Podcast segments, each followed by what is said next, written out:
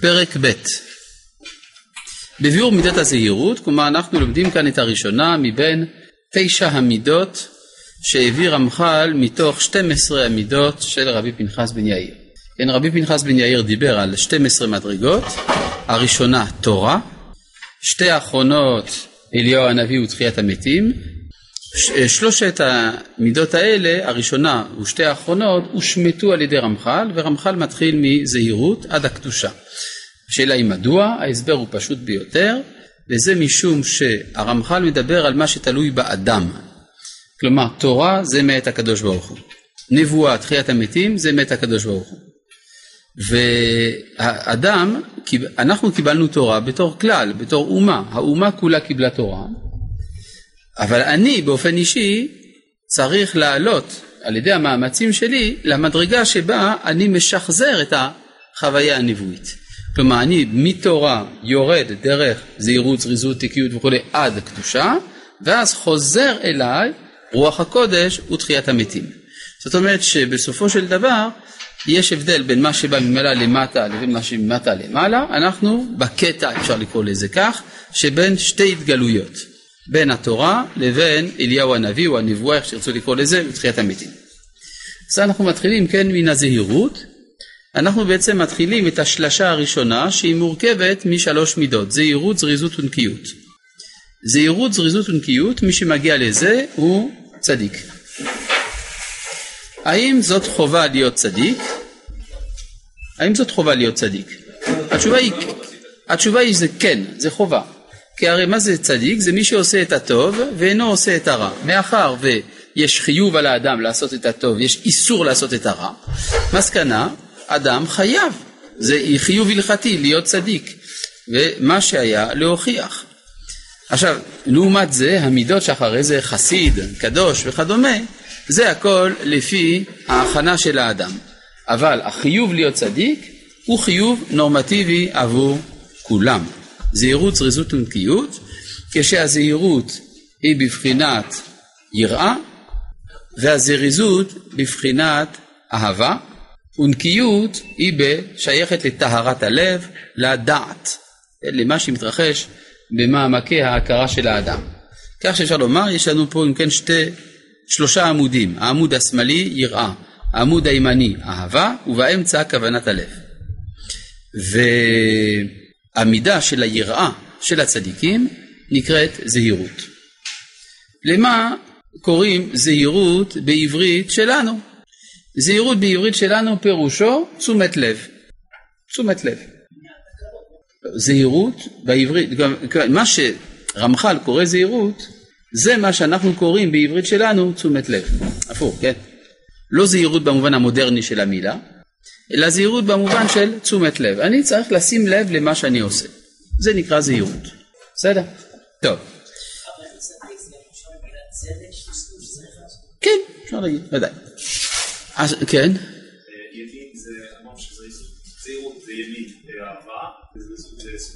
לא, לא. זהירות אמרנו שזה שייך למידת השמאל, דהיינו יראה, וזריזות לימין, כלומר אהבה. נכון. טוב, בביאור מידת הזהירות, אז צריך להבין מה זה תשומת לב, שאדם צריך לשים לב למה שהוא עושה. זה לא קשור לזה שאדם צריך להיות עצבני, אדם לא צריך להיות עצבני, כן. תקרא לזה מודעות, כן, זה גם אפשר להגיד. המודעות למה שאני עושה זה נקרא זהירות. מתוך כך יש לזה גם השלכות, האם אני עושה את הטוב או לא עושה את הרע, כלומר אדם צריך לשים לב למה שהוא עושה. אבל נקרא בתוכו. הנה הזהירות הוא שיהיה האדם נזהר במעשיו ובענייניו, כלומר מתבונן ומפקח על מעשיו ודרכיו, הטובים הם אם לא. זה הכל. כן? לא, לא מדובר פה על זה שאדם ירא או שאדם מפחד או משהו כזה, לא, מדובר שאדם שם לב האם מה שאני עושה הוא טוב או לא. כי הרי יש אנשים שפועלים בעולם ואינם שמים לב לשאלה הזאת האם מה שאני עושה הוא טוב או לא. אז ברגע שאדם שם לב לזה שמה שהוא עושה הוא או טוב או רע, הוא שייך למידת הזהירות. פשוט ביותר. לבלתי יעזוב נפשו לסכנת האבדון חס ושלום, ולא ילך במהלך הרגלו כעיוור באפלה. והנה זה דבר שהשכל יחייבהו ודאי, כי אחרי שיש לאדם דעה והשכל להציל את עצמו ולברוח מאבדון נשמתו, איך ייתכן שירצה להעלים אליו מהצלתו? אין לך פחיתות והוללות, רע מזה ודאי. והעושה כן, למשל אם אדם הולך לישון, ברור שהוא הולך לבדוק האם המקום שהוא ישן עליו הוא רטוב או יבש, למשל, כן? הוא לא אומר אני ישן איפה שיהיה, מה שיהיה יהיה, לא, אם זה יהיה רטוב, אז הוא לא יישן שם, יבש, יישן שם, למשל. אז גם אם זה כך בתחום, ה... אה, בתחום הטכני, הפיזי וכדומה, אז ודאי שגם בתחום המוסרי, אדם צריך לבדוק אם מה שהוא עושה זה טוב או רע. והעושה כן, כלומר מי שלא נזהר, הנה הוא פחות מהבהמות ומהחיות אשר בטבעם לשמור את עצמם, ועל כן יברחו, על כן יברחו וינוסו מכל מה שיראה להם היותו מזיק להם.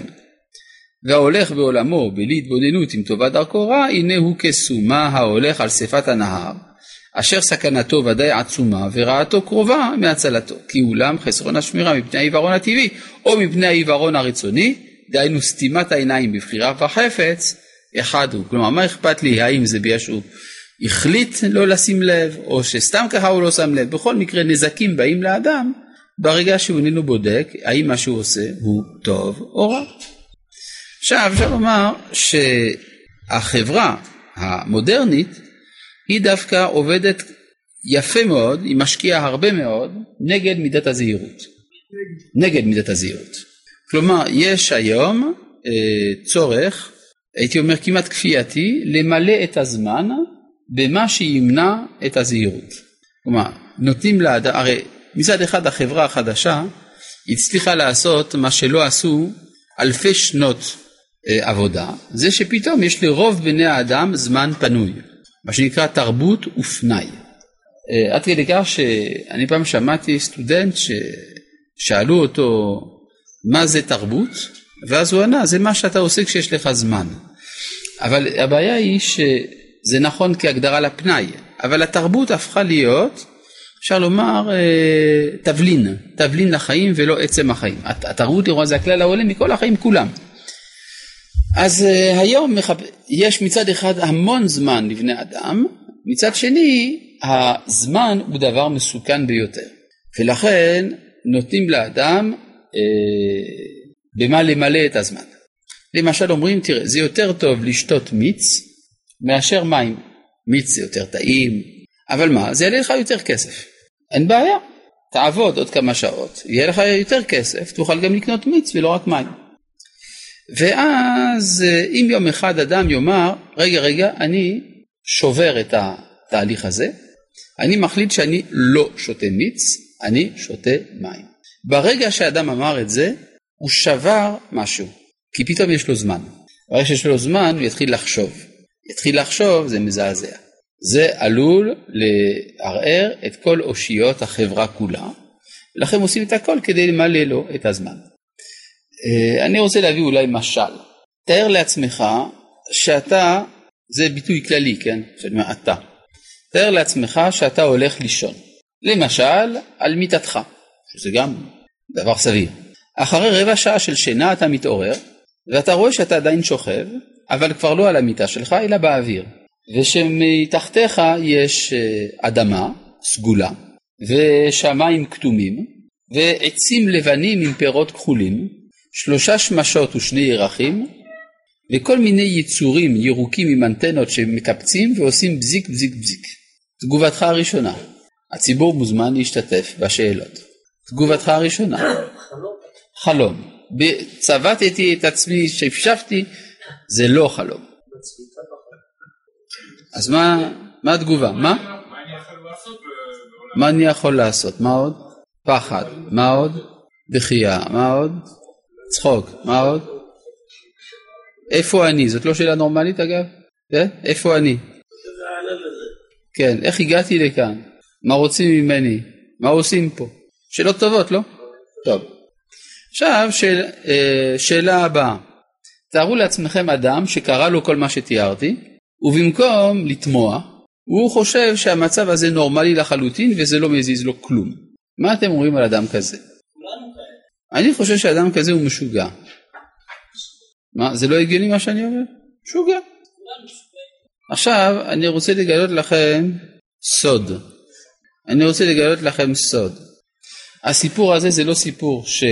הומצא, זה סיפור שקרה באמת לכל אחד ואחד מאיתנו כשהוא הגיע לעולם הזה. פעם לא היינו כאן, ופתאום אנחנו רואים מעלינו שמיים כחולים וארץ חומה, עצים ירוקים ואנשים דוברי עברית, ושמש וירח. זה לא מטמיע פחות מכל מה שתיארתי מקודם. כלומר, פעם לא הייתי כאן ועכשיו אני כאן. הדבר המתבקש הוא שאני אשאל איפה אני, איך הגעתי לכאן, מה רוצים ממני, איך מסתדרים פה, וכולי וכולי, נכון? פחד, כל הדברים שאתם תיארתם, צחוק, כל הדברים האלה שתיארתי בסיפור ההוא, הם נכונים לגבי הגעתנו לעולם הזה. אבל זה מדויק לגמרי, אבל יש עם הבדל אחד. ההבדל הוא שכאשר הגענו לכאן, היינו כאלה קטנטנים וחסרי אונים וחסרי דעת, שלא היה לנו כוח לשאול את כל השאלות. ברגע שגדלנו והגענו לגיל שבו אנחנו יודעים לשאול שאלות, התרגלנו. אז אנחנו חושבים שזה מובן מאליו, אבל מצד האמת זה לא מובן מאליו, ולכן אלה שאינם שואלים את כל השאלות על משמעות הקיום ומשמעות ההוויה, הם בעצם משוגעים. למה אמרת כולנו משוגעים? אז מי אמר שכולנו משוגעים? יש הרבה אנשים ששואלים. אבל כשנולדנו לא היה לנו כוח לשאול, אז לא משוגעים, כן? אבל אדם שיש לו כוח, אבל מי שיש לו כוח לשאול ולא שואל הוא המשוגע. זאת אומרת, אומר כאן לך רמח"ל, אתה צריך להסתכל על העולם מתוך עמדה של תמיהה, כן? היה תמיהה. אה, גוי אחד בשם אפלטון אמר שהתמיהה היא ראשית הפילוסופיה. מתחילים מתמיהה. גם נמצא דבר כזה בהגדה של פסח, אחד מארבעה בנים נקרא בשם תם, תם. התם זה מלשון תמיהה, תמיהה, נכון? הראיה שהתם שואל שאלה נפלאה. התם אומר, מה זאת? זו שאלה גאונית. זו השאלה היפה ביותר שיש בכל ההגדה של פסח. מה זאת? זאת אומרת ששום דבר לא מובן מאליו. לעומת החכם, החכם הוא, הוא דייקן. מה העדות והחוקים במשפטים? אתה כבר יודע שיש עדות וחוקים ומשפטים, ואתה רוצה לדעת מה עושים, אז אתה צמצמת. אגב, מה מקבל החכם? תשובה לשאלה שלו. מה הוא רצה? הלכות. נותנים לו הלכות. מה שאין כן התם, הוא שאל מה זאת, מה נותנים לו? את האמת. מה האמת? בחוזק יד הוציאנו השם ממצרים בית עבדים. זה. זה התוכן שהוא מקבל. מובן? טוב. אה, אז לכן בעצם לומר מידת הזהירות היא דבר, כלומר התשומת לב למה שקורה, מה שאני עושה טוב או רע, וזה קשור גם לשאלה מה, באיזה עולם אני נמצא, ההתנהגות הזאת הייתי אומר היא מינימום שבמינימום של כל, של כל אדם שיש לו קצת מודעות, קצת הכרה מוסרית. בסדר? זה מה שהוא אומר כאן. לכן זה לא אמור להיות כל כך קשה לקטות את מידת הזהירות. רק שזה דורש, אפשר לומר, אה, התמדה. התמדה שבכל יום ויום האדם ישאל את עצמו שאלות כאלה. לפעמים השאלות הן כבדות מאוד על משמעות הקיום שלי בכלל, ולפעמים זה האם התנהג, התנהגתי בסדר עם החברותה שלי, זה גם יכול להיות בכלל הזהירות. והנה ירמיה, היה ירמיה הנביא הכוונה, היה מתאונן על רוע בנדורו מפני היותם נגועים בנגע המידה הזאת. שהיו מעלימים עיניהם ממעשיהם בלי שישימו לב לראות מה הם הלהעשות אם להעזב. ואמר עליהם, זה כתוב בירמיהו פרק ח' פסוק ו', אין איש ניחם על רעתו לאמור מה עשיתי, כולו שב במרוצתם כסוס שוטף במלחמה. והיינו שהיו רודפים והולכים במרוצת הרגלם ודרכיהם, מבלי שיניחו זמן לעצמם לדקדק על המעשים והדרכים, ונמצא שהם נופלים ברעה בלי ראות אותה. זה אגב יכול להיות נכון גם לגבי אדם שלומד בישיבה. למשל אדם שלומד בישיבה, יש פה כמה אנשים כאלה בחדר הזה, ויש לפעמים שאדם לומד כל הזמן, מרוב שהוא לומד הוא לא שם לב איפה הוא נמצא, כלומר הוא לא, אין לו מחשבה לרגע על עצמו ועל התנהגותו. אז צריך לאדם להקדיש זמן מסוים, זה לא צריך להיות הרבה, אבל צריך איזשהו זמן, שבו אדם נמצא עם עצמו, קצת מתבונן עם עצמו. יש הרבה אנשים שמפחדים מהרגעים האלה, לכן עושים את הכל כדי לא לעשות את זה. ואולם, הנה זאת באמת אחת מתחבולות היצר הרע ועורמתו. להכביד עבודתו בתמידות על ליבות בני האדם, עד שלא יישאר להם רווח להתבונן ולהסתכל באיזה דרך הם הולכים, כי יודע הוא, כן, פתאום עשו האנשה פה של היצר הרע, כאילו שהוא אישיות. ש... מה? נכון, בדיוק. לכן אני הקדמתי את הדברים האלה מקודם, כדי שנבין את השורות האלה. כי יודע הוא שאילולא היו שמים ליבם כמעט קט על דרכיהם, ודאי שמיד היו מתחילים להנחם ממעשיהם, והייתה החרטה הולכת ומתגברת בהם עד שהיו עוזבים החטא לגמרי. והרי זה מעין עצת פרעה הרשע, שאמר תכבד העבודה לאנשים ויעשו בה, ואל ישעו בדברי שקר. כן, מה אתה רוצה?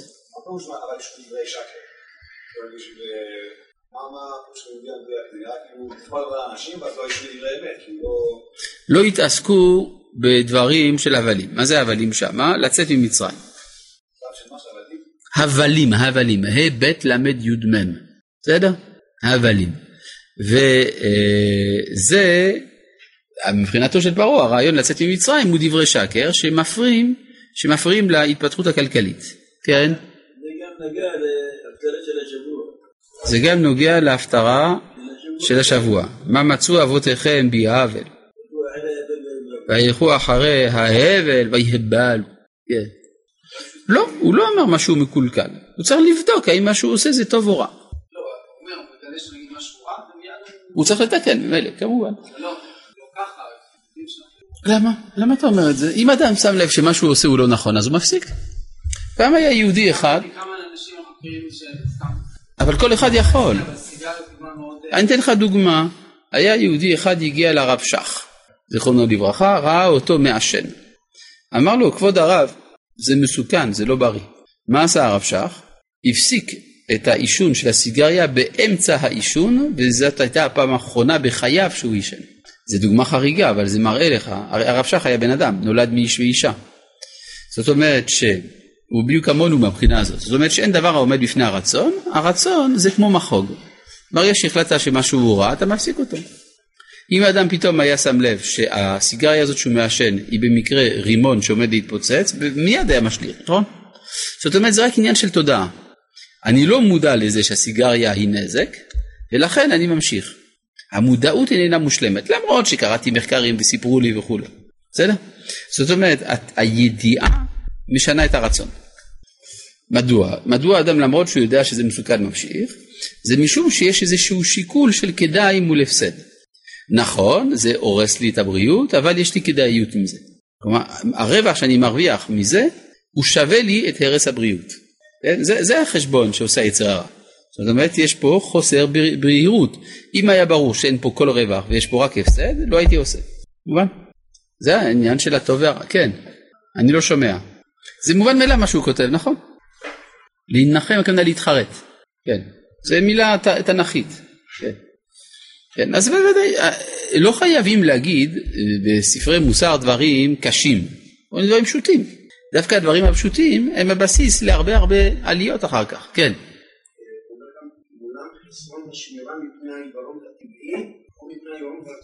נכון. העיוורון הטבעי, הכוונה העיוורון שבא מן הטבע, אבל לא שהוא, לא, הוא לא מדבר על העיוורון שהוא לא רואה פיזית. הכוונה עיוורון הדעת הטבעי. זאת אומרת שיש לאדם באופן טבעי נטייה לא לשים לב האם מה שהוא עושה זה טוב או רע, זה נקרא עיוורון שם. רצוני הכוונה שאדם החליט שהוא לא רוצה לראות את הטוב והרע. הוא נוקט בעמדה שהוא פורק מעליו את הצורך בדין וחשבון המוסרי. זה, זה שני אופנים. אז מה שהוא אומר כאן, אה, מביא כאן דברי פרעה. פרעה היה גאון כלכלי, גאון פוליטי גם.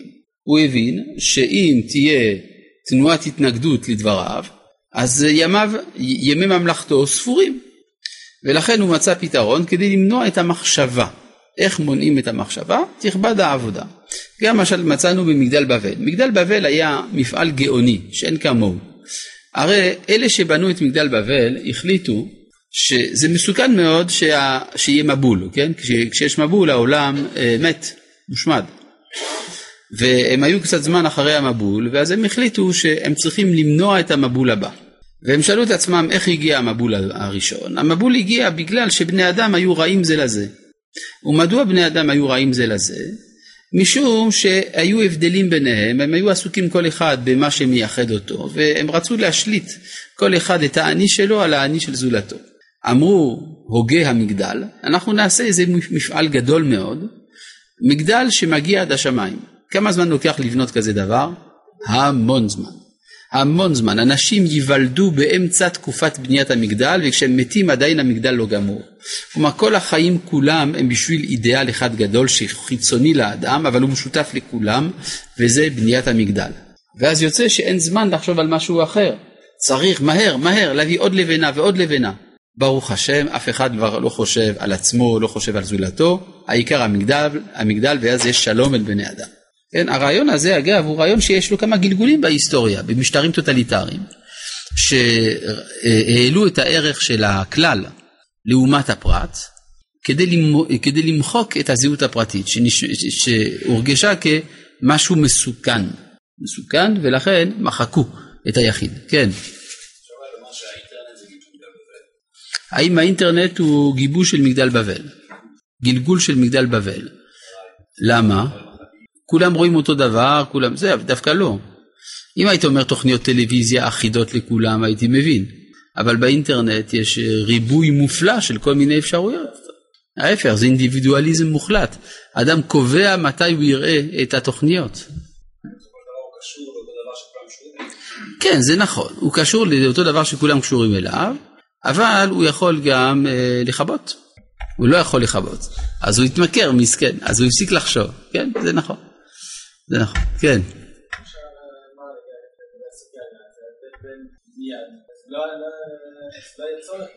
למה? הזהירות זה לגבי...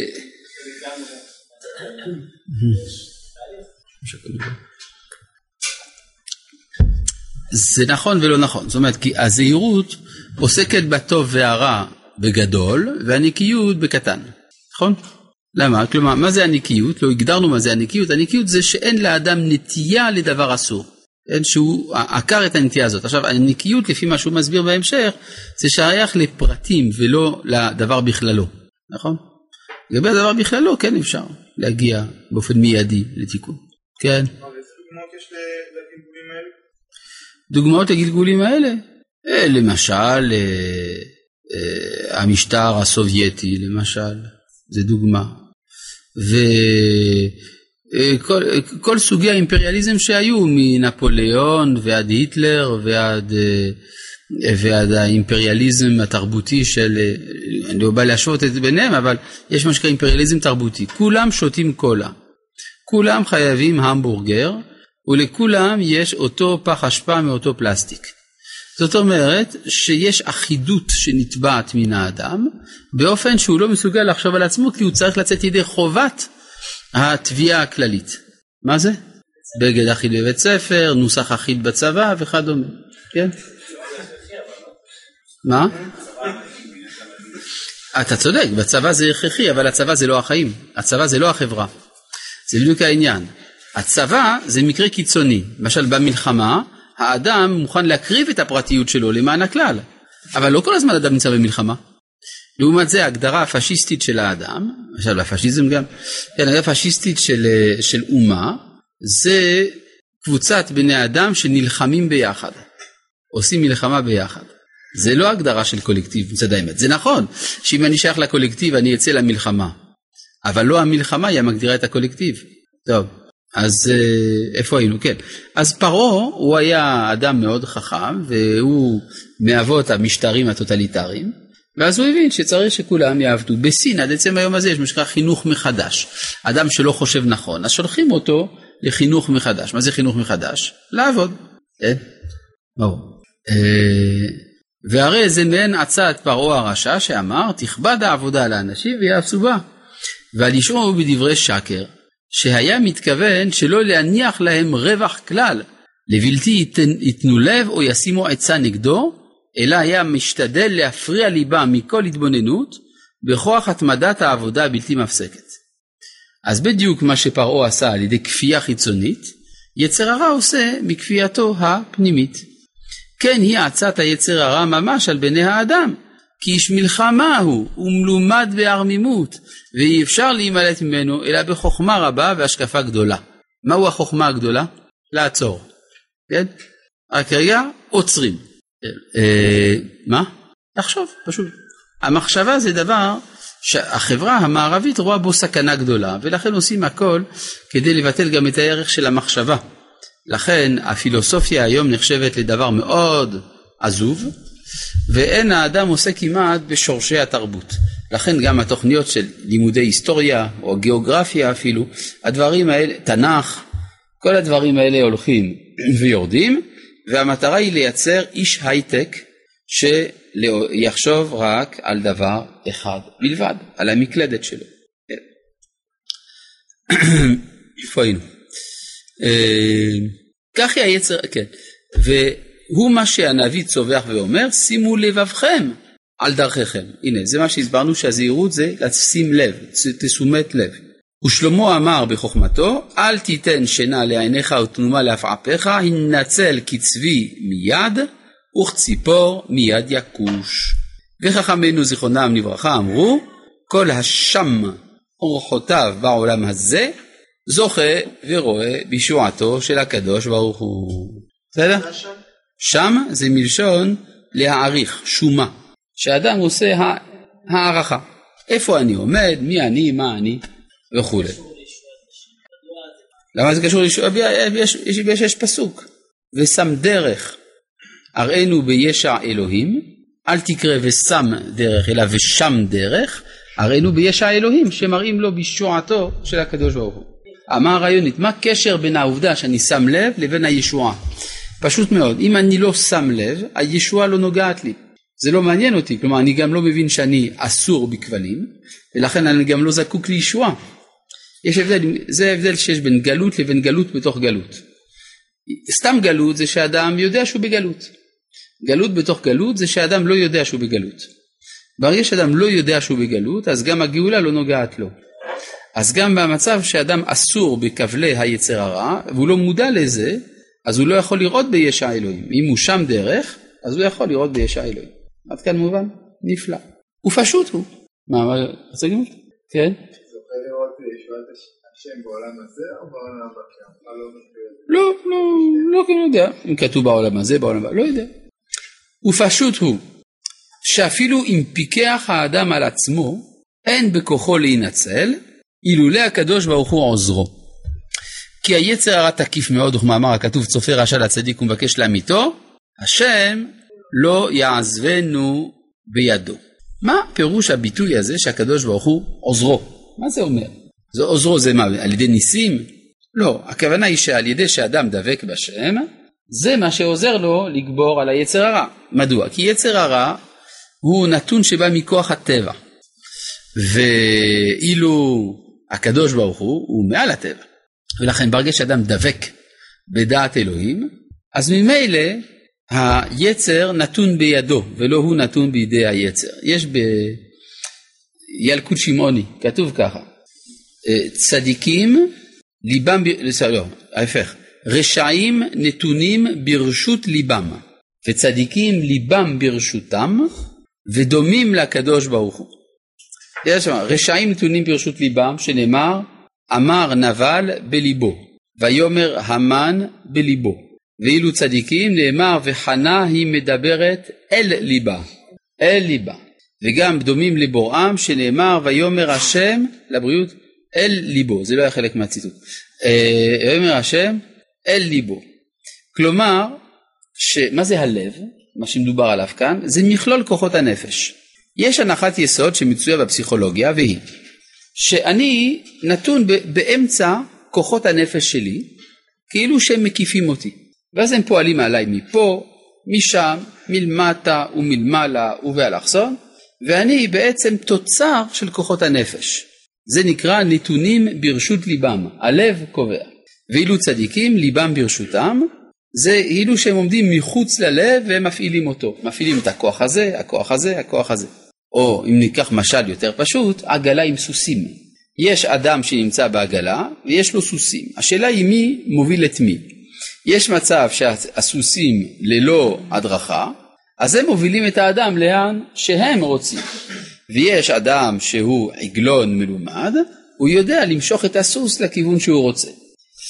בנצרות החליטו שהסוסים זה מסוכן, ולכן צריך לשחוט את הסוסים. שלא תהיה עגלה. כי הסוס, כוחות הטבע הם מסוכנים כל כך, שהאדם לא יכול להימלט מהם, אז צריך להרוג את כוחות החיים. אבל ביהדות אומרים שהסוסים דווקא הם חיוביים, רק צריך לדעת לאן לכוון אותם. כן, אז זה, אה, זה. מה שהוא אומר כאן, שאדם צריך לפקח על עצמו. עכשיו, מכוח מה אדם יכול לפקח על עצמו? כתוב, ודומים לבוראם. גם אצל הקדוש ברוך הוא, הלב של הקדוש ברוך הוא ברשותו. מה פירוש הדבר שהקדוש ברוך הוא יש לו לב? זה משל. כוונה, כוחות השפע האלוהי בעולם הם נתונים בידי הרצון האלוהי. אז באותה מידה, הצדיק שולט בכוחות הנפש שלו. עכשיו נשאלת השאלה לפי זה, הרשע הוא לא אחראי, הצדיק הוא אחראי. תשובה, אני מחליט אם להיות צדיק או רשע. כלומר, אני מחליט איפה להעמיד את עצמי, האם באמצע כוחות הנפש או מעל כוחות הנפש, זאת החלטה שלי. כן? יפה, מה שמעמיד את האדם מעל כוחות הנפש זה הרצון. מאיפה בא לנו הרצון? מהקדוש ברוך הוא. זאת אומרת, הרצון הוא לא תוצר של הטבע, אלא הוא ניצוץ אלוהי עליון. וזה בדיוק מה שאמר כאן הרמח"ל, שאלמלא הקדוש ברוך הוא עוזר לאדם, מה, איך הקדוש ברוך הוא עוזר לאדם? על ידי כוח הרצון, לא היה יכול האדם לעמוד מול היצר הרע. כן. הרצון, כן, זה צלם אלוהים. יפה, כן. לא. הרצון שלי איננו מושפע מן השכל שלי ומן התודעה שלי, אלא הרצון שלי בא לי ככה. אני בן חורין לחלוטין, ואני מחליט איזה השפעות לקבל. למשל אם אדם אומר, אני כל דבר עושה לפי השכל, זה אומר שהוא מוכרח? הלו, לא, אלא שהוא החליט שהשכל ישלוט בו. אבל זאת החלטה, ההחלטה הזאת היא רצונית, היא חופשית. כן. על פי מה הוא מחליט? על פי עצמו. זה בדיוק העניין, שהרצון הוא בהגדרה בלי סיבה. ברגע שאתה נותן לו סיבה, הוא כבר לא רצון. נכון? זאת אומרת, זה בדיוק הדבר הפלאי שיש בחירות האנושית, שכל כך קשה לפילוסופים לקבל אותה, שהאדם הוא באמת בן חורין, שזה לא בלוף. בסדר?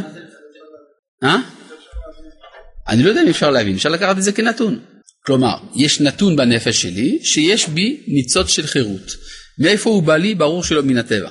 נשאלת אותה השאלה, בוא נשאל אותך שאלה, האם הקדוש ברוך הוא כשהוא ברא את העולם היה מוכרח לברוא את העולם או עשה את זה לפי רצונו החופשי? מה התשובה? הלו, הלו, אתה שמה עם הכיפה. אתה אומר שהקדוש ברוך הוא היה מוכרח לברוא את העולם.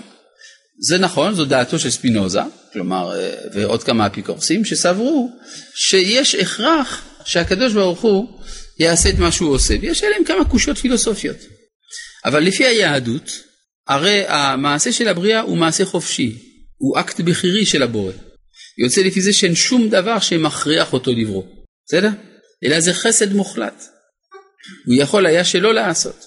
עכשיו אם זה כך, יוצא שיש בתוך העולם של החוקים שלנו, יש איזה ראשית בכירית. אנרכיה אתה אומר? זה נכון, נכון. זאת אומרת שלפני החוקים לא היו חוקים. לפני שתפוחים נפלו מן העץ, דווקא לא רחוק, הם היו נופלים איך שבא להם ולפעמים גם לא נפלו, או עלו, או התחלקו לשניים. עד שבסוף הוחלט שתפוחים יפלו מן העץ, נכון? עכשיו, זה האנרכיה הזאת, שאתה מתאר אותה, היא מאוד מפחידה. זאת אומרת, רוב בני האדם אינם מעוניינים להיות בני חורים. רוב בני אדם מעדיפים לספר לעצמם את הסיפור השקרי המכונה זה יותר חזק ממני. מכיר את הסיפור הזה? זה חזק ממני. כן, אתה החלטת שזה חזק ממך. אבל, מה? השגחה מסתדרת יפה מאוד. ההשגחה היא פונקציה של התנהגות האדם. כפי שהאדם מתנהג, ככה הקדוש ברוך הוא משגיח עליו. אבל ההחלטה שלי איך להתנהג היא תלויה בי. זה מה שנקרא השם צילך. השם צילך כתוב. כלומר שכשאני הולך יש לי צל. איך הצל מתנהג? לפי איך שאני מתנהג. הקדוש ברוך הוא מתנהג כאילו שהוא הצל שלי. השם צילך. מה מה? היה למי יש אחריות אם לא לבן אדם?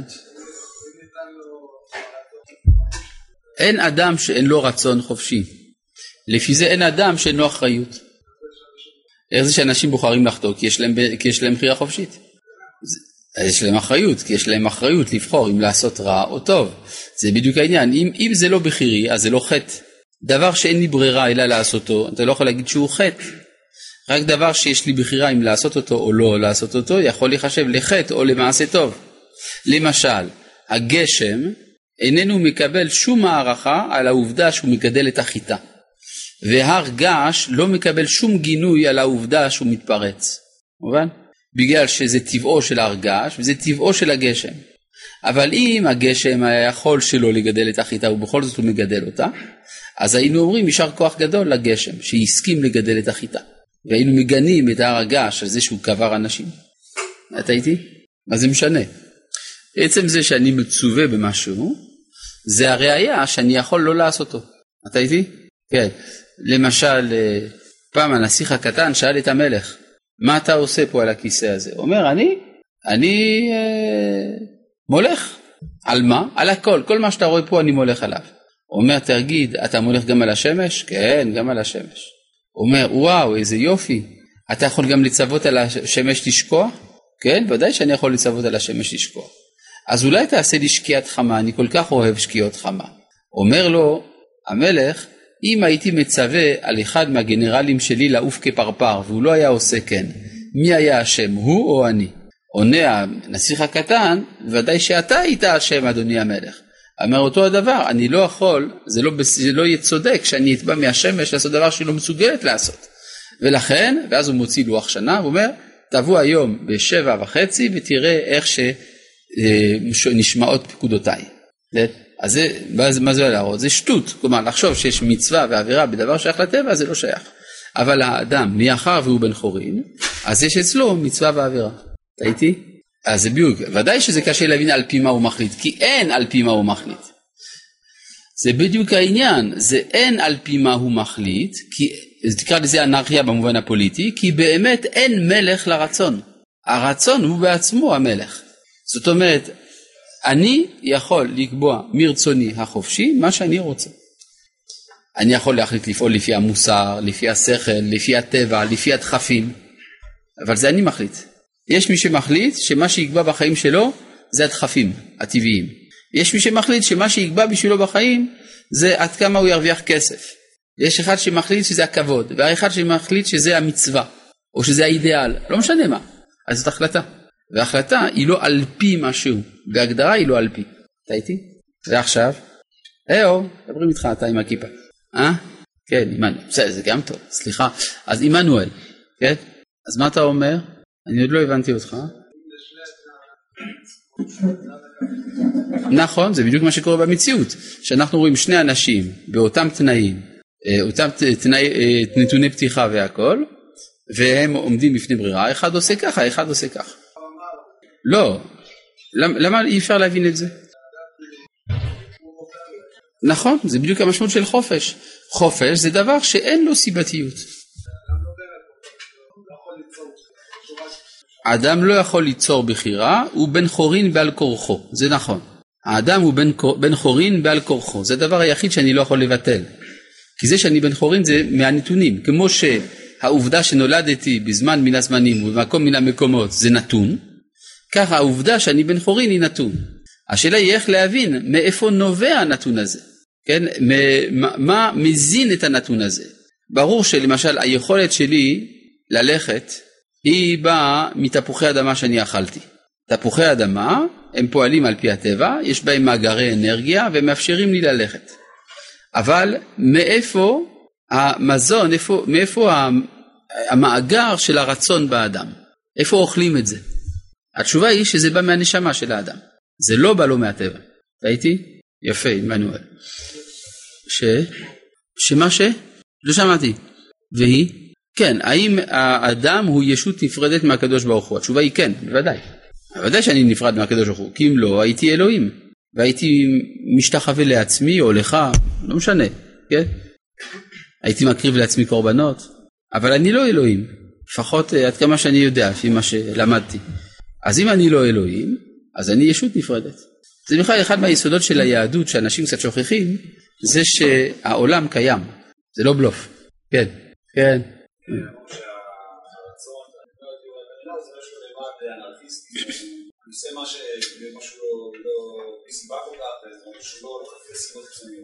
אבל האם יש לה רצון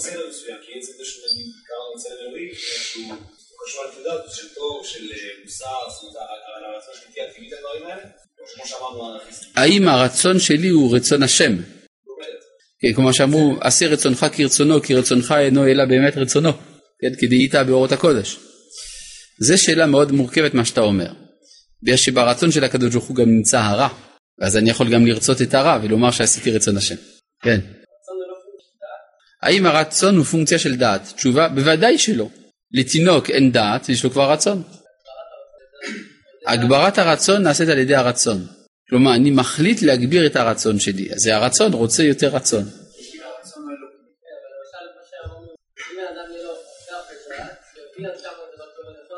האדם יכול להיות, ויכול להיות שלמרות שיש לאדם כל הדעת שבעולם, הוא ימשיך בכל זאת לרצות את ההפך. אבל זה מקרים נדירים, רק אצל אנשים ענקיים, כגון נמרוד. נמרוד, דווקא אבי המגדל, אמרו חז"ל עליו שהוא היה יודע את ריבונו ומתכוון למרוד בו. השאלה היא האם גם פה היה שיקול, והתשובה היא שוודאי שהיה פה שיקול של נמרוד. נמרוד רצה להציל את האנושות מאלוהים, כן? לכן הוא רצה לעשות משהו אה, שיעמיד את האדם בעצמאות מהבורא, והוא היה מוכן לשלם על זה את המחיר. לך, פשוט נמרוד ראה שהמצב של העולם הוא רע. אז השאלה היא, אם המצב של העולם רע, מי אשם? הוא אמר, מי שברא את העולם. לכן הפתרון מבחינתו של נמרוד זה לשכוח אותו. להשכיח את האלוהים מלב בני האדם, ועל ידי זה הם יהיו פטורים מאימת דינו. בסדר? להפוך את כולם לתינוקות שנשבו. אה? זה ייאוש מהתיקון, ודאי, והוא חשב שעל ידי שהוא ישכיח את הרעיון האלוהי ואת הסולם הערכי מלב בני האדם, הם יהיו כולם פטורים מן הדין. אבל יש אדם אחד שיודע מה שהוא עושה, זה הוא עצמו. הוא היה מוכן לשלם על זה את המחיר. ענק. אני לא יודע אם זה קשור לניטשה, אני לא יודע אם נמרוד הכיר את ניטשה, למרות שהשמות של שניהם מתחיל בנון. כן, בבקשה. האם הקדוש ברוך הוא רוצה שנשלוט על הרצון שלנו? השאלה למה אתה קורא רצון? הרי עצם היותנו בעלי רצון זה אנחנו. אבל יש ענפי הרצון שעליהם אנחנו שולטים גם. הקדוש ברוך הוא לא רוצה שנעשה חטא, אם הוא לא רוצה שנעשה חטא אז שלא ייתן לנו לחטוא. הוא רוצה שנחליט אם לעשות טוב או רע. נכון, אז מה? יש לנו אפשרות לעשות את רצון השם שיהיו מצוות, או לעשות את רצון השם שתהיינה עבירות. זה רצון השם וזה רצון השם. ומאחר ויכולתי לעשות את הטוב, לכן יש לי אחריות ועונש אם עשיתי את הרע. ברור? כן, בבקשה. נכון, נכון. שמעת, כפי שאתה אומר, שהחלק העיקרי של האדם זה הנשמה, שהיא חלק, אמרת אלוקה? אני יודע שאני שמעתי חלק אלוה ממעל, ואז יוצא לפי זה, ככה אתה שואל, שהאדם הוא חלק בלתי נפרד מהקדוש ברוך הוא. תשובה, לא נכון. וזאת משום שחלק אלוה ממעל אין פירושו חתיכה של הקדוש ברוך הוא. אלא חלק אלוה ממעל זה פסוק באיוב. ומה חלק אלוה ממעל נחלת שדי ממרומים. מה זה, אם כן, חלק זה לעומת נחלה, כמו נחלה. כלומר, נחלתו של הקדוש ברוך הוא בעולם זה הנשמה. בסדר? ואנחנו מתנהגים כמו הקדוש ברוך הוא. מה הקדוש ברוך הוא בן חורין, אף אנחנו בן חורין. זה המשמעות של חלק אלוה ממעל. בסדר? כן? אם הרצון הוא אלוהי, אז אין מה להגדיל ולפתח את הרצון. וכי למה? אני לא יכול לפתח משהו שהוא אלוהי. למה? מי אמר לך את זה? כי לפי הציור שלך, האלוהות זהו מושג סטטי, בלתי מתפתח. כן, בוודאי, כי אתה אומר, שים לב, אתה אומר, האם יש התפתחות באלוהות, דהיינו ההשתלמות המתמדת, אז מדוע שגם לא יהיה אצלי? לא שאני אפתח. למה אם אני, אה, אם, אם אני בעל רצון, כלומר אני בן חורין, אז זאת מתנ, מתנת אלוהים שאני בן חורין, אז מדוע שזה לא יהיה אינסופי? הרי היה גוי אחד בשם דקארט, הוא אמר דבר מאוד חכם, הוא אמר אנחנו מוגבלים מצד התבונה ובלתי מוגבלים מצד הרצון. כלומר הרצון שלי אין לו גבול, אז אני יכול גם להגדיל אותו. בסדר, אבל הוא לא חשב שהרצון זה משהו אלוקי. למה הוא- אתה אומר את זה עליו? אתה אומר שדקארט לא חשב שהרצון זה דבר אלוהי? וזאת מנין לך? אדרבה, הראיה שהביא דקארט למציאות האלוהים זה מושג האינסוף שבנפש. כן? בבקשה. איך מגיע לזה שאפשר לפתח משהו אינסופי? אינסופי זה יש התפשטות בלי גבול. כן. אם הרצון לא מושפע, אז איך הוא משתנה? אם הרצון לא מושפע, איך הוא משתנה? כי זה מהגדרתו של הרצון שאין לו, לו כיוון הכרחי. ולכן הוא יכול להשתנות לפה, לשם. על פי מה? על פי מה? על פי עצמו. כלומר, אין לרצון שום גורם חיצוני הקובע לו מה להיות. זה הגדרתו של הרצון, הוא ראשוני באדם. אתה איתי? כן. אני לא זוכר איפה זה כתוב, אבל אה, בכל יום אה, יצרו של האדם גובר עליו, אם אין האדם, אה, אם אם- אלמלא הקדוש ברוך הוא זרון האדם יכול לו, משהו כזה, נכון? נכון, זה בדיוק מה שהרמח"ל עכשיו ציטט, כן? זה אומר, כאילו הקדוש ברוך הוא שולח לי את הרצון, אז איך, אה, הקדוש ברוך הוא עוזר לי להצליח בזה? אה, אדרבה, הרצון איננו מכריח אותי לרצות לא טוב ולא רע. הרצון הוא בן חורים. ולכן, זה, זה המתנה הגדולה שהקדוש ברוך הוא נתן לי, כדי להתגבר על הנתונים של הטבע. יש פה כמה שאלות. בוקר טוב, אני לא מבין, הטבע לא בא מאלוהים? תודה. התשובה, אתה מבין מצוין, הטבע בא מאלוהים. אה, אלא מה? זה שיש מה שבא באופן ישיר ויש מה שבאופן עקיף. הרמח"ל אומר, בדעת תבונות, טוב יפה מאוד איך שכתבת את הכתובת, הרמח"ל אומר בדעת תבונות שבריאת העולם היה קדום בחוקו, כי לא ייתכן בו שינוי, אז איפה הרצון של אלוהים? אני לא ראיתי בדעת תבונות ניסוח כזה. כן, אך, אבל אני מוכן שתראה לי, אני אשמח להתמודד. אך ככל שאדם ידע את חובתו בעולמו, יותר יתמסר אליו. אדם פרימיטיבי באפריקה לא ידע, לא ידע לעשות הטוב כי לא לימדו אותו טוב או רע. צודק. זאת אומרת, ככל שהאדם יותר יודע מה הטוב ומה הרע, המרחב של הבחירה החופשית שלו גדול יותר. אבל זה לא אומר שגם במרחב ידיעה קטן אין בחירה חופשית. כלומר, הבחירה החופשית היא נשארת חופשית לחלוטין, בנתונים משתנים. הרמח"ל אומר בסוף מסילת ישרים, דרך עץ חיים, שאם האדם היה יודע את גודל הטוב ועומק הרע, לא היה חוטא כלל. כלומר שגודל הרצון תלוי בגודל העט של הטוב והרע. הוא התכוון לדעת, אבל פשוט בהקלדה לא יצא לו הדלת. כן. אה, בגודל הדעת, נאמר, של הטוב והרע. זה נכון. הלאה. לא נכון. מה, שמה לא נכון? אני אמרתי שלפעמים יכול להיות אדם שידע ובכל זאת התכוון למרוד. כן, אבל אני הוספתי שזה אצל יחידי סגולה, כן, כגון נמרוד. אז באופן כללי, הדעת כן משפיעה על הרצון. הדעת כן משפיעה על הרצון, בגלל שבני האדם בדרך כלל מחליטים ללכת לפי הדעת, בדרך כלל. אבל, לא זה, משועבד. אבל, אבל השורש הוא לא בדעת. בואו נמשיך בדברי רמח"ל. אך אם האדם מפקח על עצמו, אז הקדוש ברוך הוא עוזרו וניצול מהיצר הרע, אבל אם אינו מפקח הוא על עצמו, ודאי שהקדוש ברוך הוא לא יפקח עליו. כי אם הוא אינו חס מי יחוס עליו, והוא קניין שאמה שאמרו זכרונה לברכה, כל מי שאין בו דעה אסור לרחם עליו, והוא מה שאמר, מה שאמרו אם אין אני לי מי לי. רק הערה קטנה, מה זה הסיפור הזה שמי שאין לו דעה אסור לרחם עליו? זה ממש אכזרי, לא? מה זה הדבר הזה? אין לו דעת, אז תרחם עליו. אני חושב שזה בדיוק הפוך. אם אין לו דעת, אתה רוצה לעזור לו, אז אל תרחם עליו. כלומר, הדרך היחידה לעזור למי שלא דעת, זה על ידי שאתה לא תרחם עליו. כן? כי אם אתה תרחם עליו, הוא יישאר בלי דעת, ואתה גרמת לו רע. למרות שמבחינה רגשית זה עשה לך טוב. טוב, עד כאן להיום. שלום.